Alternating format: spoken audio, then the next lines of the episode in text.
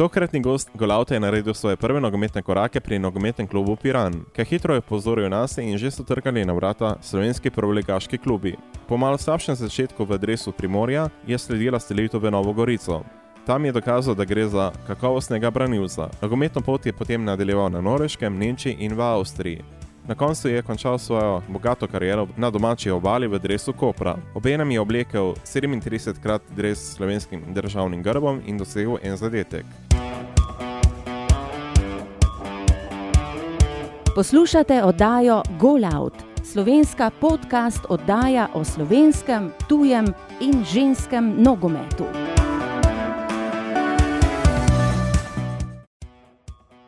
Gost današnje oddaje je Matej Rožič Maurič in kot se spodobi, sledi najprej osebna izkaznica. Starost. 39 let, Kje se počutite najbolj doma? Novi Gorici. Kakšne hobe imate? Povezani so s športom, eden ni športen, imam eno manijo na starodobnike, tako da imam tudi sam dva starodobnika doma. Ko je le čas za to, se posvetim tudi temu. Kaj radi berete? Predvsem eh, bom rekel, jaz avtobiografije zelo rad preberem, zato jih primerjam med sabo in ugotavljam, da, rekel, da so tudi te moderne avtobiografije v približno 50-70 odstotkih realne, ostalo pa je dodano. Kaj radi gledate? Oh, gledam, eh, bom rekel, televizijo zelo malo, kot da se bolj posvetim kakšnemu filmu, če je res tako v sklopu družine, da smo vsi skupaj, drugače pa televizija redko. Koliko ste aktiven na državnih omrežjih? Malo, imam samo Facebook, drugo nimam. Sem v bistvu zelo malo aktiven, tudi zaradi tega, ker tudi Facebook je prišel potom sile, prilike. Pri zaključku moje kariere, takrat so rekli, da ga moram imeti, da ga moram odprti, in potem sem ga odprl in takrat ga imam. Kdo je po vašem mnenju najboljši nogometaš vseh časov? Ja, to je, bom rekel, kar tako nehvaležno vprašanje. Za moje pojme imamo Mesija, Ronalda, Peleja. Zdaj, če lahko potegnem črto, jaz mislim, da bo do konca kariere sigurno eden največjih Mesij, zaradi tega, ker tako se mi zdi tudi zadeva naštimana osebno, pa po mojem mnenju mi je bolj všeč Ronaldo. Kdo je pa po vašem mnenju trenutno najboljši nogometaš, če izuzamemo Ronalda in pa Mesija? Če vzamemo njiju dva, bi se jaz naslonil na našega Jana Oblaka. Najboljši so igralec, s katerim ste igrali. Soigralec Goran Šukalo. Kaj pa nasprotnik? Nasprotnik, ja, najboljši, jaz bom rekel tako. Wayne Rooney je bil definitivno zelo trd oreh in uh, jaz mislim, da je bil on res en najtežjih, katerih sem držal. Nogometaši si pogosto zamenjujejo drese. Kateri dres ima največjo vrednost v vaših garderobe? Ja, jaz eh, bom rekel, sem kar sledil temu, sem si menjal drese. Težo, ki jo ima dres, je sigurno po tekmi z Italijo, sem zamenjal z eh, Andrejem Pirlo. In uh, on je tudi v mojih očeh bil tako kot en igralec, ki v bistvu na vzven ni nastopal, ne? je bil zmerjen delavc, tihi igralec, kateri je kazal vse v bistvu svoje kvalitete na igrišču in od, uh, ni pustil bo neko medijo, da so prišli bolj zdravi, njegovi familiji, družini. In uh, sem ga zaradi tega tudi cenil, tako da Drež številko 21 ima sigurno posebno vrednost. Na katero lastnost bi bil najbolj ljubesumen pri nasprotnikih in jo bi rad tudi sam imel? Ki so imeli drugi, in jo jaz nisem imel. Ma v bistvu v nogometu moraš biti na določenih nivojih malo pokvarjen. Ma to malo pokvarjen, da ne delaš neki, da nekomu škoduješ, ampak zato, da pomagaš tekmo zmagati. Se pravi, to so take malenkosti. In jaz tukaj bom rekel, sem relativno pozno to dojel in sprejel. Tako da v tistih najstniških letih bi mi to prišlo prav, če bi bil malo bolj pokvarjen. Katerega trenerja bi izpostavili kot najboljšega v vaši karieri? Ma, jaz bom eh, izpostavil dva. Eden je sigurno Matjaš Kek, ki je bil v reprezentanci. Vsa ta leta, v bistvu od njegovega začetka pa do konca, sem bil zdraven, tako da sem ga do dobra spoznal in mi je bil všeč. Eh, Drugega, ki bi pa izpostavil kot trener, je pa Uwe Rapolder, s katerim sem sodeloval pri Koblencu v Nemčiji. Katera tekma vam je najbolj ostala v spominu? Tekma v lepem ali slabem, se to je verjetno najbolj v spominu, tako če zavrtim hitro film nazaj. Je ena lepših tekem, sigurno gostovanje z reprezentanco na, na Škotskem, kjer sem v bistvu prvič doživel njihovo atmosfero, kateri danes, kot čujemo, drugih fantov ni več tako, ampak takrat je bilo res sajnsko od začetka, od himne. Pa vse do konca tekme, v bistvu se med sabo niti pogovarjati nismo mogli, tako je bilo bučno in glasno. Na katero lovoreko oziroma nagrado, ki ste jo osvojili, ste najbolj ponosni? Ma jaz jih eh, nagrade vse ocenjujem enako, vse imajo poseben čar, bom pa rekel, postati pokalni zmagovalec eh, na Norveškem je nekaj posebnega, ker je to največji spektakel, več tudi od državnega prvenstva. Na Norveškem se pravi, že vsa leta se igra to ob enih in pol, pred tem, kar se dogaja, potem se pravi večerja pred tekmo, pa potem je to en tak lep spektakel in uh, bom rekel, na tisto lovoriko sem zelo ponosen. Kakšna mora biti tekma, da potem lahko rečete, da to je bila res odlična tekma? Brez napak. Za kateri klub navijate? Doma in v tujini? Predvidevam, da imate pač priljubljeni klub. Doma, sigurno Nova Gorica, tujini pa trenutno ne v najboljšem stanju, ampak če sem bil že kot otrok, eh, Milanist sem tu še danes. Katero tekmo bi radi videli, pa še ni bila odigrana? Ja, je težko reči, ker toliko tekam zdaj v tem obdobju. Ma jaz bi si želel, mogoče tekem, bom povedal kar tako malo bolj na široko, da bi slovenski klubi imeli možnost igrati z velikimi klubi.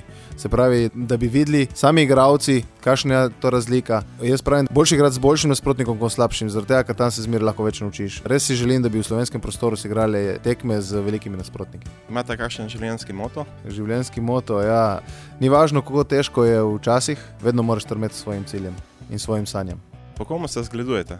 V bistvu se ne zgledujem po, po nobenemu, jaz uh, živim, me vodi življenje, neko plavam, ker v življenju je pač tako. So lepi trenutki, so grši trenutki, iz vsake stvari se moraš nekaj naučiti in tako da sprejemam res to, da gre po neki svoji strugi naprej. Še zadnje vprašanje naše osebne izkaznice je, imate priložnost povabiti na večer bilo katero osebo, z njo deliti liter vina, katera oseba bi bila to? Koga zbrati zdaj, ja, se to je zdaj gre kršine po glavi.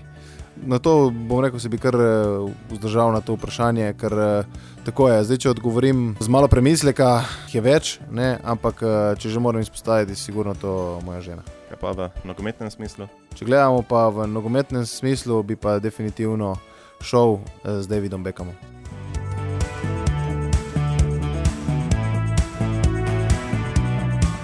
Potrebujete spletno stran, mobilno aplikacijo ali grafični izdelek? Priporočamo Source Design. Pokličite jih na nič 31 256 991 ali obiščite njihovo spletno stran www.sourcedesign.com.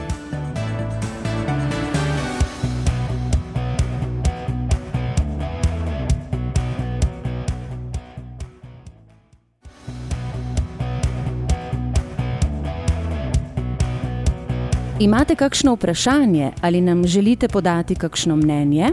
Pišite nam na info.afna.golout.com ali pa preko družabnih omrežij, kjer nas najdete pod imenom podcast Golout.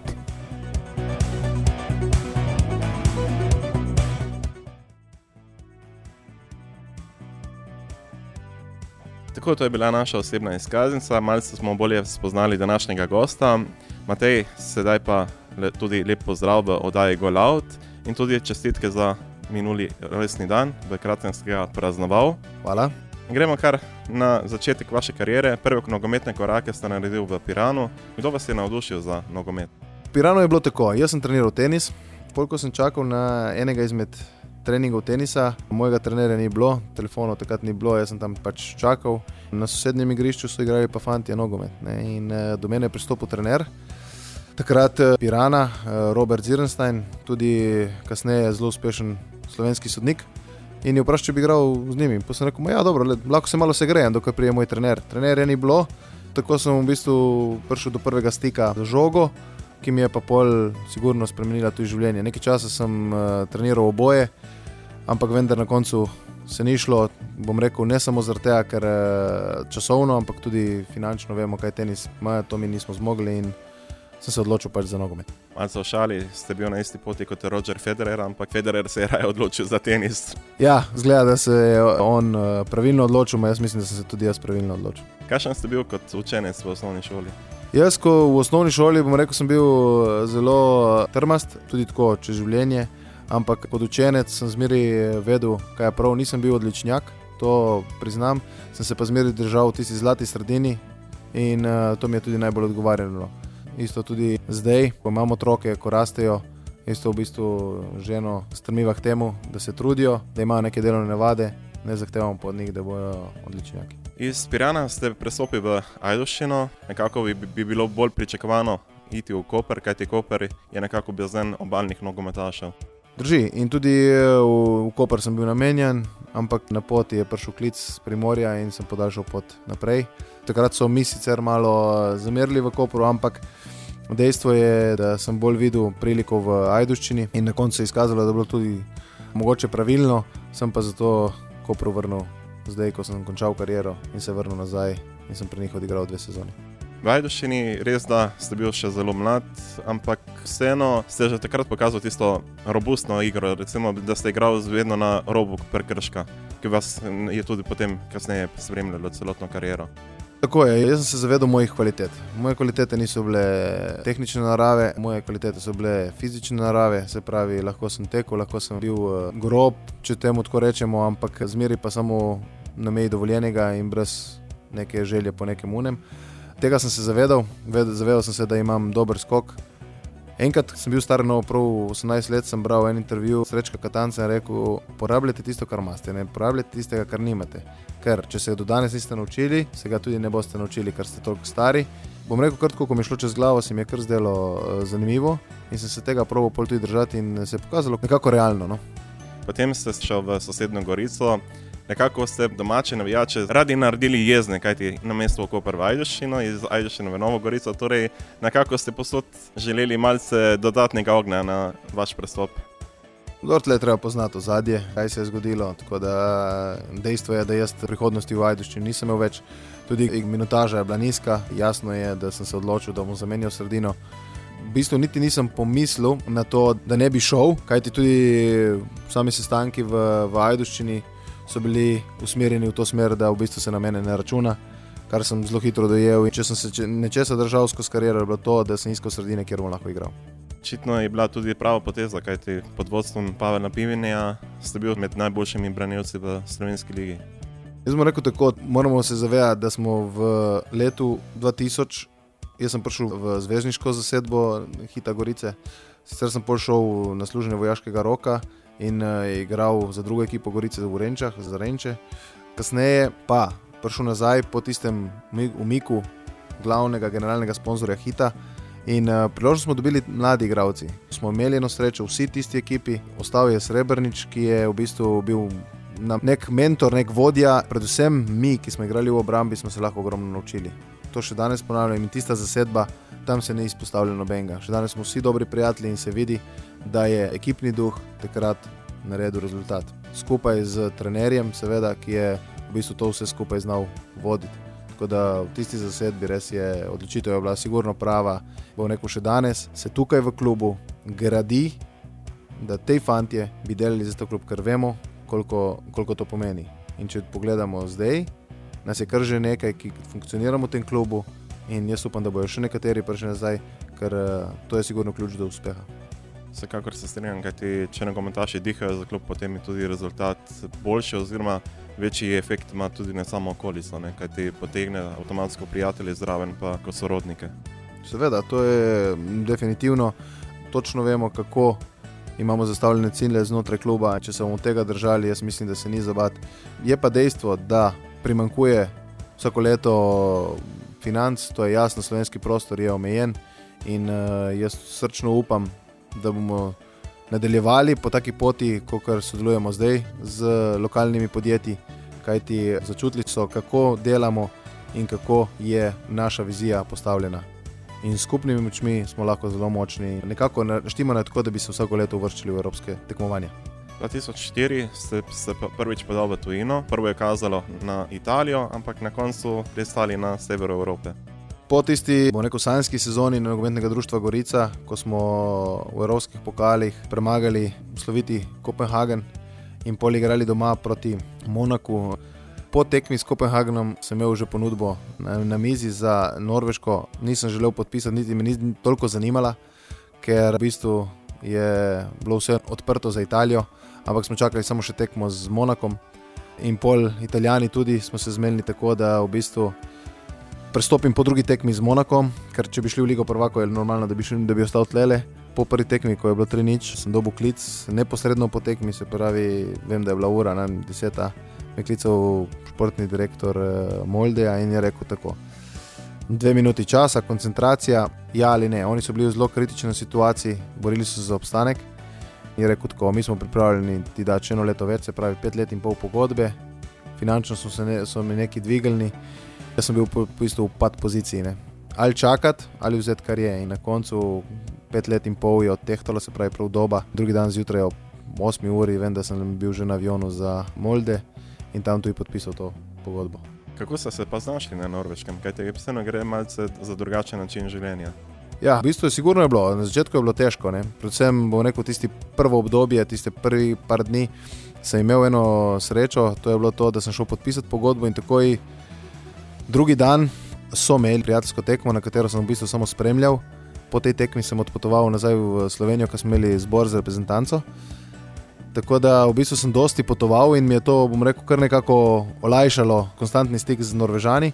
Ampak eh, kasneje smo se pa, bom rekel, kar navadili. Je pa dejstvo, da je, sem jaz boljše šel skozi, kot pa žena, ki je v tistem obdobju v gor se dosti težje privadila, kar je normalno. Tako da bom rekel, jaz sem se kar navadil in mi je bilo tudi na koncu zelo všeč. Kako je bilo igrati na večnem derbiju v Norveške lige? Olde Rusenborg, to je nekako derbi kot Olimpija pa Maribor. Drži, to je, bom rekel, sosedski derbi, sosedski v, v navednicah, zaradi tega, ker v bistvu greš tudi tja z avionom, ampak je v bistvu relativno blizu. Dobro, jaz sem rekel tako, jaz sem odigral štiri derbije, dvakrat smo zmagali, dvakrat izgubili. Zelo sem bil zadovoljen, kajti že tisto prvi derbi doma proti Rosenborgu mi je ostal v lepem spominu, tudi zaradi mm, doseženega zadetka. Rekel, takrat smo prav deklasirali Evropski Rosenborg, 4-1 smo zmagali, mislim, da me. 11 metrov, ki ste dal gol. Tako, tako. Tisto mi je ostalo, bom rekel, res v enem takem lepem spominu. Je pa dejstvo, da smo si želeli skalp tudi na njihovem terenu, ker to je bil zmeri derbi, nikoli se ni vedlo, kdo bo zmagal, ampak Rosenborg je bil v tistem obdobju res zelo močen. Kako bi pa primerjal takrat norveški nogomet s slovenskim nogometom? Verjetno norveški je precej na fiziki, medtem ko je naš bolj tehničen.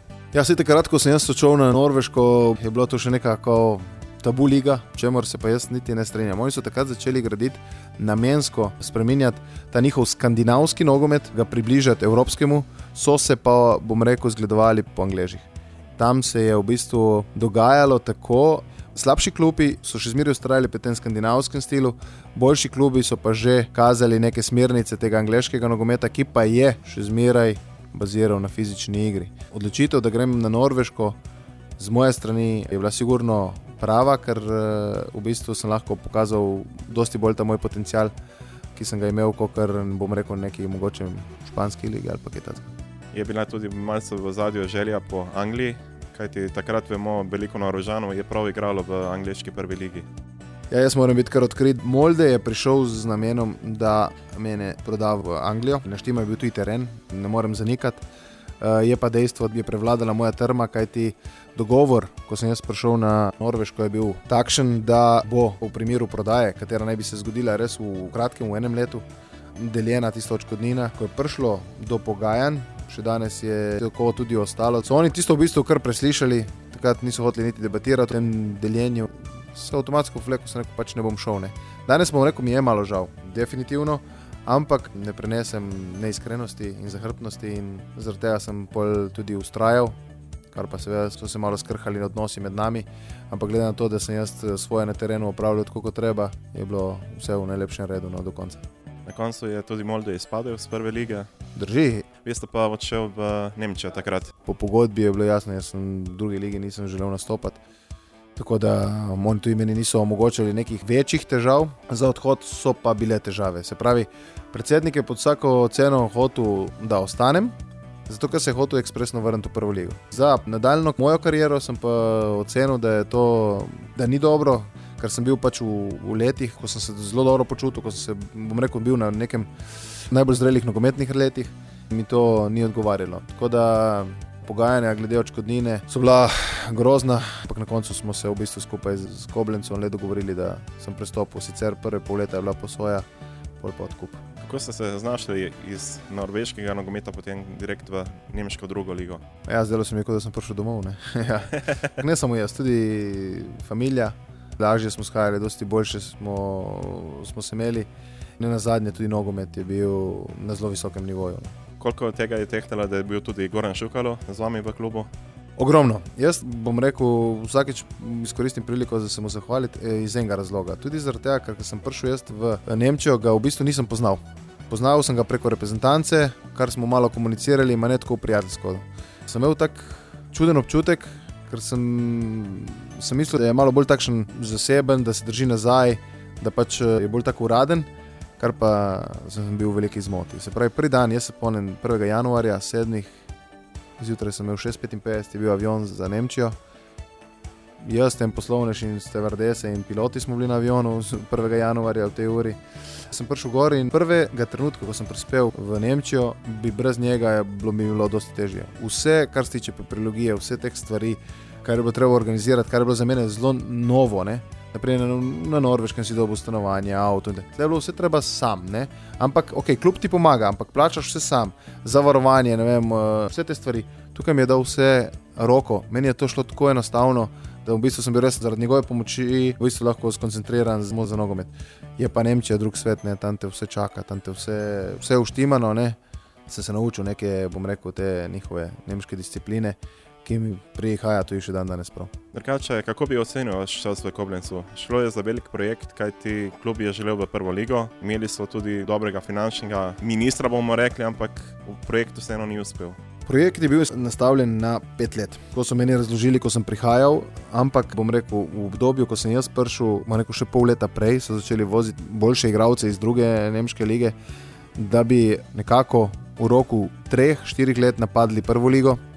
Nam je kazalo dobro, že po dveh letih. Ne. Ekipa je bila sicer bila konkurenčna, v drugi legi ja, ampak nekako smo čutili ta občutek oziroma nek pritisk, da, da bi radi čim prej, čim prej, da se gre. Dejansko nismo bili pa pripravljeni še za to. Nismo imeli neko teh osnovnih pogojev za tako velik preskok. Denar, ja, to je bilo, ampak z denarjem danes ne moreš uh, biti najboljši na svetu. Čeprav nekateri klubi kažejo to, ampak tudi Paris Saint-Germain, tudi Chelsea, vsi so imeli težave kljub denarju. Dejstvo je bilo, je tudi tako in skazalo se na koncu, da je pač rekel, naš investitor oziroma sponzor po štirih letih izgubil upanje. Igravci so začeli odhajati in uh, plot tega je bil tudi, da se je tudi on umaknil.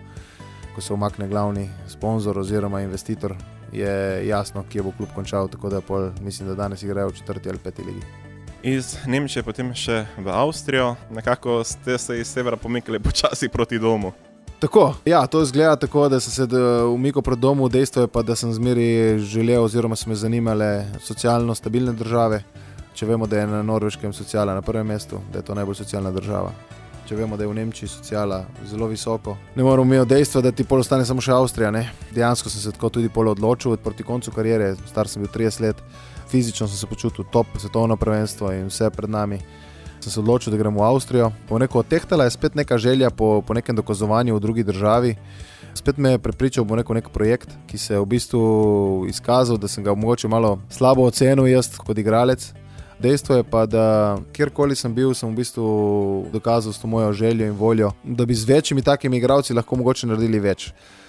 Nekje te zmeraj nekaj nagradi. Se pravi, jaz eh, še danes imam največ nastopov v Zakobljen, v drugi nemški ligi. Ne?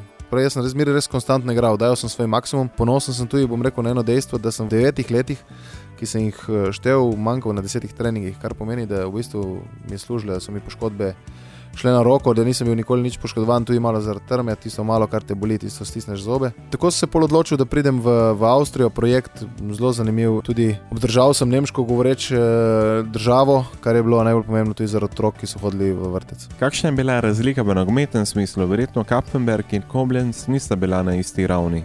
Ja, nemška druga liga je sigurno dosti kvalitetnejša od avstrijske prve. Je pa dejstvo, da se iz leta v leta spremenjajo te zadeve. Jaz zdaj, naprimer, spremljam avstrijski nogomet na visokem nivoju. Ne. V tem trenutku ga lahko primerjamo z nemško drugo ligo. Kajti nemška druga liga je malo padla, avstrijci so se kar relativno dvigali, je zdaj primerljiva. Ko sem pa jaz prišel, pa ne.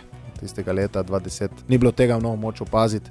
In tudi tekme, ki sem jih igral po Avstriji, razen z izjemo Salzburga in Rapida, niso kazale, da bi bili lahko konkurenčni drugi nemški ligi. Torej je bila raven nekako z našo prvo ligo takrat. Naša liga ni bila takrat na takem nivoju, je pa dejstvo, da danes jih lahko primerjamo. Danes ja, s takim Mariborom, z Olimpijo, ki jo kaže zdaj, z Gorico, Domžalami, smo sigurno konkurenčni uh, avstrijski ligi. Čeprav na finančnem področju pa smo še zmeraj nekako za njimi. Govorim o, o, o nogometnem, finančnem, pa ne vem, če bomo bili kdaj moram pa tukaj izuzeti Maribor. Preden ste se ponovno vrnili na slovensko sceno, je bila v igri še selitev na Kitajsko, a do prestopa ni prišlo. Kitajska padla v vodo zaradi moje odločitve. Zakaj? Zaradi tega, ker jaz na Kitajsko sem odpotoval, sem šel tja, želel sem se prvo prepričati o pogojih eh, življenja. Imel sem dva otroka, enega šolo obveznega, drugega starega štiri leta. Tako da moj namen obiska je bil ta, da se prepričam, kakšno kvaliteto življenja bo imela moja družina. Gor. Ko sem eh, prišel gor, eh, sem zbolel, temperatura 40, jaz ne vem kako je to ratalo, v glavnem je neka, nekaj napadlo. In od teh situacij, ko smo me odpeljali v bolnišnico, tam, ko sem videl, kakšen je ta njihov sistem, kakšen je to uno, se mi zdi, da sem se vrnil 20 let nazaj, a vemo, v kojih prej smo omenili, iz kakšnih držav sem prihajal, je bilo to nespremljivo. Tudi zaradi dejstva, ker mi v bistvu v tistem trenutku sem bil še pod pogodbo z, z Kapfenbergom in je nisem, bom rekel, sem imel nekje zabit ne, in nisem želel uh, zamenjati sredine, tako da sem se v bistvu usedel na avion, vrnil nazaj in pol, če se lahko malo pošalim, izsiljeval finančne pogoje, da bi v tehtali, da bi šli mi tja za, za to eno leto. Na koncu normalno ni šlo in uh, sem ostal pač v Kapfenbergu če primerjamo, Kitajci še danes nekako velike denarje vlagajo. Se pravi, da so že takrat želeli privabiti evropske nogometaše. Ja, ma ne finančno, se nam niti podrazno nismo mogli primerjati. Ne. Kitajska je, je bil trg, kateri se je gradil, želeli so čim več evropskih igralcev in tako. Ampak bom rekel, bolj dejstvo po tem samem življenju je otehtalo, v življenju ni vse denar, ne. tako da ne greš. Čeprav, jaz sem pol pohotel z denarjem skompenzirati to, ne. se pravi če bi šla družina z mano, ali pa če bi ostala živeti v Avstriji ali pa v Sloveniji, sem mogel imeti nek vedeti, zakaj, zakaj odhajam. No, in, ampak tega ni odtehtalo in sem se vrnil pač nazaj v Kaffenberg. Je pa tudi dejstvo, da pri tistih letih sem se čutil v zelo dobrem formi, tako da sem pričakoval, da bom šel kam v Evropi še. Na koncu ste končali kariero v Kopru, poškodba vas je zaustavila. Verjetno bi še kakšno sezono odigral, če ne bi prišel do poškodbe. Definitivno. Jaz bom rekel, da sem imel v bistvu v tistem obdobju, ko sem prihajal iz Avstrije v Koper, nek nov uspon. Tudi zaradi tega, ker sem vedel, da se v bistvu karijera gre počasi k koncu, ampak sem pripravljen in vse dajal s takim užitkom skozi, pripravljen sem bil fuldoro, vse rezultate so tudi tako kazali tako da sem bil res zadovoljen. Je pa dejstvo, da ko pride do poškodbe, pač tako, da, da to moš akceptirati. Ne. Nikoli nisem rekel, da bom končal kariero. Če bo telo služilo, kot je do zdaj, ne, brez poškodb, bom lahko tudi povlekel do 7, 38. Ne. Ampak žal ni bilo tako, poškodba vratnega vrtenca in uh, ga ni bilo doktorja, ki bi dal zeleno luč za nadaljne igranje nogometa. Bodite družabni in se nam pridružite na Facebooku in Twitterju. Najdete nas pod imenom Podcast Golout.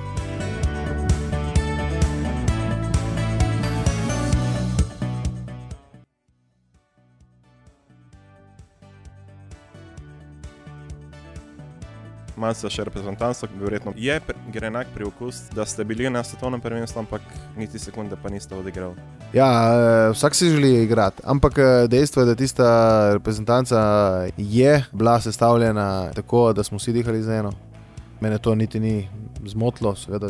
Normalno ne bi bil normalen, če ne bi si želel igrati na svetovnem prvenstvu. Tudi eh, sem bil zelo blizu, bom rekel, proti Ameriki sem se segreval, mislim, da 75 minut, šuler je imel težave s hrbtom, ampak Matjaš je verjetno v tistem trenutku bil odločen, da raje zdrži tako, kot je. V igrani so bili. Je pa dejstvo, da sem imel občutek, da če bom šel noter, da, da bom kar rešil vse skupaj, tekmo in vse skupaj, tako občutek. Tako je pač, eh, zmeraj je nekdo, ki odloča, kdo bo igral. Ko si igralec, temu se prilagodiš, to sprejmeš, zaradi tega pa ni, da sem bil užaljen ali kaj daleč od tega. Ne, tako da bil sem tam, pač nisem zaigral, ampak eh, svetovno prvenstvo pa doživel, kar je pa tudi pomembno. Kako pa nas splošno ocenjujete vašo reprezentančno kariero in kako se zdi, da ste bil prva rezerva Cesarju pa Šulerju? Ja, tako je tudi res. Sem povedal tako, leta 2002 sem debitiral. Tekmi z Italijo eh, v Trstu, pol pa bil tudi pod vodstvom oblaka, sem jaz redno igral, tako da ne smemo zanemariti tistega obdobja. Ne. V tistem obdobju sem naredil tudi, bom rekel, ne vem koliko nastopov, kasneje, s prihodom Matjaža, je pa pač zadeva bila taka, da sem mogel akceptirati to vlogo. Tako. Jaz sem še danes prepričan, da je v bistvu trener takrat bil v zelo težki situaciji, ko ga postaviti igrati, zaradi tega, ker po tekmi z Polsko, ko smo jo zmagali mi doma 3-0 in prijateljsko tekmo v Angliji, ko se je cesar poškodoval, po Poljski, ko smo zmagali Trenič, ko je bila reprezentanca, bom rekel, top. In potem sem šel v klub, mesec kasneje, klub bil zelo uspešen, mislim, da so bile, bila samo mesec premora, štiri tekme, dva ali tri gole, ne vem točno. Prišel nazaj v življenjski formi, tudi na treningih bil zdraven, se pravi, sem videl, da, da računa, da bom igral. Me je prizadelo, bom rekel, pol na dan tekme, ko je prebral selektor postavo, me ni bilo v prvi postavi. Sem bil zelo jezen, ampak sem se pol umiril, ker sem vedel, da če eksplodiram, je to za mene konec, ker vedel sem, da selektor tega ne bo akceptiral. Ali pa sprejmem dejstvo, da če v takem obdobju uspešnosti nisem zraven, pol ne bom bil tudi verjetno v prihodnje. Po pogovoru, pol tudi s selektorjem, sem nekako sprejel to odločitev, da bom bil pač eh, ta prva menjava in bom bil zraven reprezentanci, če ne mene verjetno ne bi bilo. Kako je bilo, ko ste se odločili, da je sedaj konec z aktivnim igranjem? Je bil velik preskok priti v vsakdanje življenje? Težko je. E, težko je, predvsem iz dejstva, ker eh, jaz v bistvu nisem pripravljal nekega terena, da bom končal. Počutil sem se v redu, to je pol v bistvu te preseka. Ne? Na začetku misliš, da ja, se bo, se bo, obiškuješ te zdravnike. Jaz sem jih od Nemčije, pa vse, kar je bilo možno, sem iskal neko rešitev, ampak je nisem najdel. In pol, ko priješ pa v dejstvo, da ti v klubu ponujajo neko drugo funkcijo, ne, takrat te začne trezniti, rečeš, da je to pa konec. Ne. V prvem obdobju je funkcioniralo kar v redu, nisem imel nekih večjih težav. Kasneje so se mi pa v bistvu začele pojavljati težave, ki so se pol izkazale kot te, da je to, ta preskok iz nogometnega življenja v vsakdanje življenje kar ena velika prelomnica za nas, ki smo bili navajeni na nek svoj ritem. Torej, kaj počne danes Matej Maurič? Danes eh, Matej Maurič želi biti aktiven, bom rekel, kar na dostih frontah, kar tudi ni najboljše pri tem tempu življenja, to se strinjam. V bistvu Matej je danes postavljen na prvo mesto družino, definitivno, ki je v bistvu bila ne zapostavljena, ampak trpela v moji karieri. Sigurno nogometno društvo Gorica, kjer smo se zadali v projekt reševanja kluba. Danes lahko s ponosom rečem, da nam to uspeva z malimi koraki, gremo proti velikim ciljem. Tretja stvar je pa definitivno, na katero sem zelo ponosen, na katero polagam tudi dosti, je pa to, da imam skupaj s Simonom športno društvo Smukec, v katerem privzgajamo odnos do gibanja in športa na najmlajše. Se pravi, prenašamo to na najmlajše. Letos že obeležujemo že peto obletnico. Začelo se je pa, bom rekel, čisto spontano z našimi otroci, kaj bomo poleti, kako bomo. Madej, smo poklicali prijatelje, nas je bilo deset, smo naredili en kamp. Danes je ta kamp zelo uspešen. Lani smo imeli v Novi Gorici 64 otrok, odločili smo se lani tudi primerno narediti kamp v Piranu, tako da jaz prihajam, tudi tisti kamp, zelo uspešen. Jaz sem zelo ponosen, da smo to uspeljali. Par dni nazaj je odločila, da obeležimo letos peto obletnico na velik način in tako bomo tudi priredili 29. junija v Novi Gorici eno zabavo, ki jo bomo poimenovali Smukčeva noč, ker želimo, da vse te dobre zgodbe, za katere smo delali, pridejo na dan in da vsi ti otroci vidijo, da zdrav slog, se pravi, da vidijo, da z gibanjem in z športom lahko izničimo marsikatero slabo lasnost. Moramo omeniti tudi to, niso to navadni kampi, mi poučujemo tudi življenjske teme. Na kampu v Piranu smo imeli moč predavati otrokom tudi nevarnosti spleta. Druga tematika je bila nevarnosti otrok. Obiskal nas je Brane Miličevič, eden bivših odvisnikov ki danes deluje v komuni, ki je povedal življenjsko zgodbo, povedal otrokom, da se začenja to zelo zgodaj. Odvisnost ne nastane, ko enkrat ti uživaš droge, ampak že dosti prej. In na zadnje, v velik ponos nam je, da nam je predaval tudi eden največjih slovenskih sodnikov, Damir Skomina. Tako da otrokom smo res popestrili to dogajanje. Jaz sem tudi ponosen na to, da otroci niso v nobenem trenutku pogrešali mobilnih telefonov, kateri so bili tudi prepovedani. To so v bistvu neke smernice, ki jih Simonom provava usmeriti v te otroke. Tretja zadeva od tega smukčevega unga je pa nogometna urica, to je pa za predšolske otroke, katero izvajamo enkrat tedensko v Novi Gorici in tudi to se kaže kot en zelo velik uspeh. Potem ste tudi predsednik novo nastale športne zveze oziroma novega športa, ki ga želite popularizirati v Sloveniji. Zakaj gre? Tako, to je football, to je najhitrejši se stoči šport na svetu. To je mlad šport, nov šport, ampak se zelo hitro uspenja. S prijateljem tuja sva začela to zgodbo o footballu, spremljala, gledala, kako bi to plasirala na slovenski trg. Nekako v bistvu se je začelo bolj vse za hec, ampak danes uh, imamo ustanovljeno zvezo, katere sem tudi sam predsednik. Imamo tri klube, ki delujejo. Smo na poti z velikim preskokom, se pravi, letos naj bi se nam pridružili še dva kluba. Mislim, da, da gremo tudi mi ne tako hitro kot američani, ki imajo ne vem koliko igrišč, ne vem koliko zvez že, step by step rastemo. Tudi smo pod okriljem uh, Svetovne futbol zveze. FIFG, kater je v bistvu kot FIFA v nogometu, je FIFG v futbolfu. Zelo veseli, da so nas sprejeli in tudi letos uh, bomo imeli enega od turnirjev, European Tour, bo tudi pri nas na, na Ptuju oziroma tukaj na Bovcu. Kje so pa igrišča, recimo, omenili ste Ptuj, Bovc? Tako, igrišč ni dosti, bom pa povedal tako. Bovc je eno od igrišč, katero se, se dosti uporablja. Najboljše igrišče je eh, trenutno na Ptuju, kjer eh, so zelo aktivni. Postavili smo tudi futgolf igrišče, imamo v Šempetru, na bivšem golf igrišču, ki je zdaj tudi golf in pa tudi futgolf. Tako da, kdo si želi, se lahko tudi tam poizkuša v futgolfu. E, nastajajo pa igrišča v Radnicah, nastaja igrišče še v Ljubljani. Tako da jaz mislim, da bomo do leta 2020, ko imamo nek cilj, imeli v Sloveniji pet oziroma šest igrišč. Tako da, dajmo se pustiti presenetiti, upajmo, da bomo tudi mi imeli svojega udeleženca na letošnjem svetovnem prvenstvu v Maroku. Za vse tiste, ki morda ne vedo, kaj je sploh futgolf, nekako bi lahko na hitro rekli golf, ki se igra z nogo. To je v bistvu tako. Ja. Igra se na golf igriščih, skoraj enako kot golf, le da tukaj je udarec z nogo, tam je s palico, razmerje luknja, žogica je enako kot pri golfu, igra se z navadno nogometno žogo številke 5. Tako da nekih bistvenih razlik med golfom in futgolfom ni, le da moramo dati mi, kot ustanovitelji tega, poudarek na obnašanje. Vemo, kakšno je obnašanje pri golfu, to moramo spodbujati, ker vemo, kakšni smo nogometaši, kričijo, uno, tretje. Tukaj dajemo res velik poudarek. Se pravi, obnašanje mora biti tako, kot je na golfu. Se pravi, zakaj? Igramo na istih igriščih, se pravi, da mi prihajamo k njim, ko nepisano pravilo je, da se proš prilagoditi in jih tudi učimo. In zaenkrat mu reko, da nam uspeva drugo je dress code, ki je golf narave, se pravi, obleke so tudi iste, ne smemo pa uporabljati kopečk. No, to je ena zelo pomembna stvar. Uporablja se lahko le obutev za umetno travo. Malo so šali, pa tudi prekrško ni, recimo, kakšnega fauliranja. Jaz bom rekel tako, to je šport, kateri je idealen za tiste, ki končujejo nogometno kariero, ker v bistvu je tukaj samo brcneš, pa greš v naravi si ko ga enkrat probaš, pride k srcu. In jaz uh, upam, da se bo ta številka teh aktivnih futbolistov v letošnjem letu povečala. Matej, najlepša hvala, ker ste se odzvali mojemu povabilu, da ste prišli v oddajo Golaut. Želim vam čim več uspeha na zasebnem, kot pa na poslovnem področju in še kdaj morda v studiu Golauta. Najlepša hvala za vaše povabilo in bilo sreče tudi vam naprej.